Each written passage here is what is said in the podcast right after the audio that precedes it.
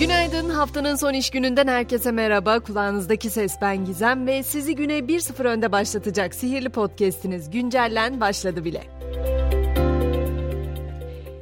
Gece saatleri hareketliydi. Yeni kabine sonrası ismi öne çıkan ve Amerika'dan bunun için gelen Hafize Gaye Erkan Merkez Bankası Başkanlığına getirildi. Erkan Merkez Bankası'nın ilk kadın başkanı olurken eski başkan Şahap Kavcıoğlu Bankacılık Düzenleme ve Denetleme Kurulu Başkanlığına atandı. Gece yarısına doğru 23.08 seviyelerine kadar düşen dolarsa gece bu atama kararlarının yayınlanmasının ardından yeniden yükselişe geçti. Dolar 23.58 seviyesine çıkarken euro da 25.45 liradan işlem görüyor. Düne dönecek olursak Milli Güvenlik Kurulu yeni üyeleriyle ilk kez toplandı. 3 saatlik toplantıda ülkenin güvenliğini ve refahını sağlayacak adımların kararlılıkla atılması kararı alındı. Hemen biraz yargı koridorlarına uzanacağız. Konya'da sevgilisini dövdüğünü düşündüğü kişiyi engellemek isterken öldürdüğü gerekçesiyle yeniden yargılandığı davada hakkında 10 yıl 10 ay hapis cezası verilen Kadir Şeker açık cezaevine alınmıştı. Şeker kurulun aldığı kararla Covid-19 tedbirleri kapsamında 31 Temmuz'a kadar izinli sayılarak tahliye edildi. Her ne kadar yağışlardan yazın geldiğini henüz anlayamasak da turizm mevsimi başladı ve havaalanlarında da yoğunluk arttı. Hatta önümüz bayram çok daha artacak gibi de görünüyor. İstanbul Havalimanı Haziran ayının ilk haftasında günlük ortalama 1423 uçuşla Avrupa'nın en yoğun havalimanı oldu. Antalya Havalimanı da günlük 819 uçuş ortalamasıyla ilk ona girdi. Gelelim onur yürüyüşü meselesine. ODTÜ Rektörlüğü bugün üniversite kampüsünde yapılması planlanan onur yürüyüşünü yasakladı. Rektörlük 11. ODTÜ Onur Yürüyüşü öncesi öğrencilere uyarı niteliğinde gönderdiği e-postada kampüsümüzde planlanan bu izinsiz yürüyüş ısrarının devam etmesi durumunda gerekli her türlü güvenlik önlemleri alınacaktır ifadelerine yer verildi.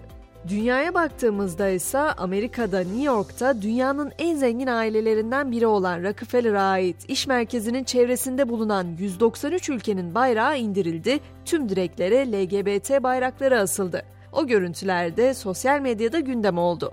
Amerika demişken gündemdeki yolculuğumuzu oradan devam edeceğim. ABD'li yetkililer Büyük Okyanus'ta dünyada ısınmaya neden olan El Nino hava olayının başladığını açıkladı tüm gezegeni etkileyen hava olayının önümüzdeki aylarda etkisini kademeli olarak artıracağı belirtiliyor. Yetkililer 2024'ün muhtemelen dünyanın en sıcak yılı olacağına işaret ediyor.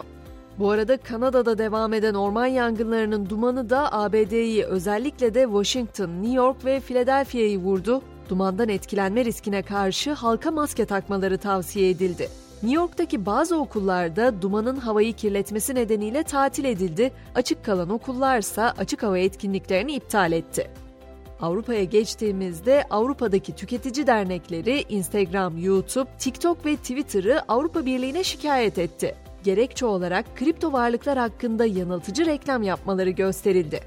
İngiltere ise obezite kaynaklı hastalıkları azaltmak amacıyla kilo verdiren bir iğneye onay vermeye hazırlanıyor hastanın iğneye en fazla 2 yıl erişiminin olmasına izin verilecek.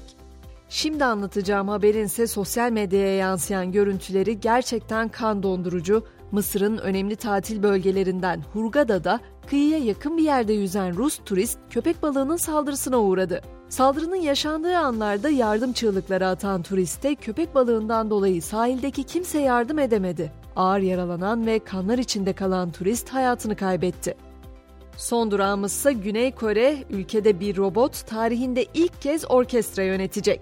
Kore Ulusal Orkestrası 30 Haziran'da Seul'de vereceği konserde Kore Endüstriyel Teknoloji Enstitüsü'nün geliştirdiği bir robotun orkestra şefi olacağını açıkladı. Görünümü insan bedenini andıran robot aynı zamanda boynunu ve kolunu esnek biçimde kullanabiliyor.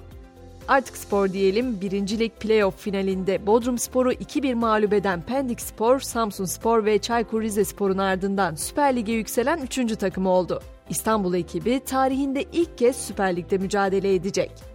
Şampiyonlar Ligi finali ise malum yarın İstanbul'da oynanacak. Final maçı öncesinde kupanın maketi Taksim Meydanı'na yerleştirildi. Dev kupayı gören vatandaşlar ve turistler kupaya yoğun ilgi gösterdi ve hatıra fotoğrafı çektirdi. Biz de böylece güncellenin sonuna geldik. Bu sabahın mottosunu Jean-Paul Sartre'dan bırakıyorum. Sen de herkes gibi yarı kurban, yarı suç ortağısın herhalde. Sahi öyle miyiz? Bir soralım bugün kendimize ve akşam 18'de tekrar görüşelim olur mu? Şimdilik hoşçakalın.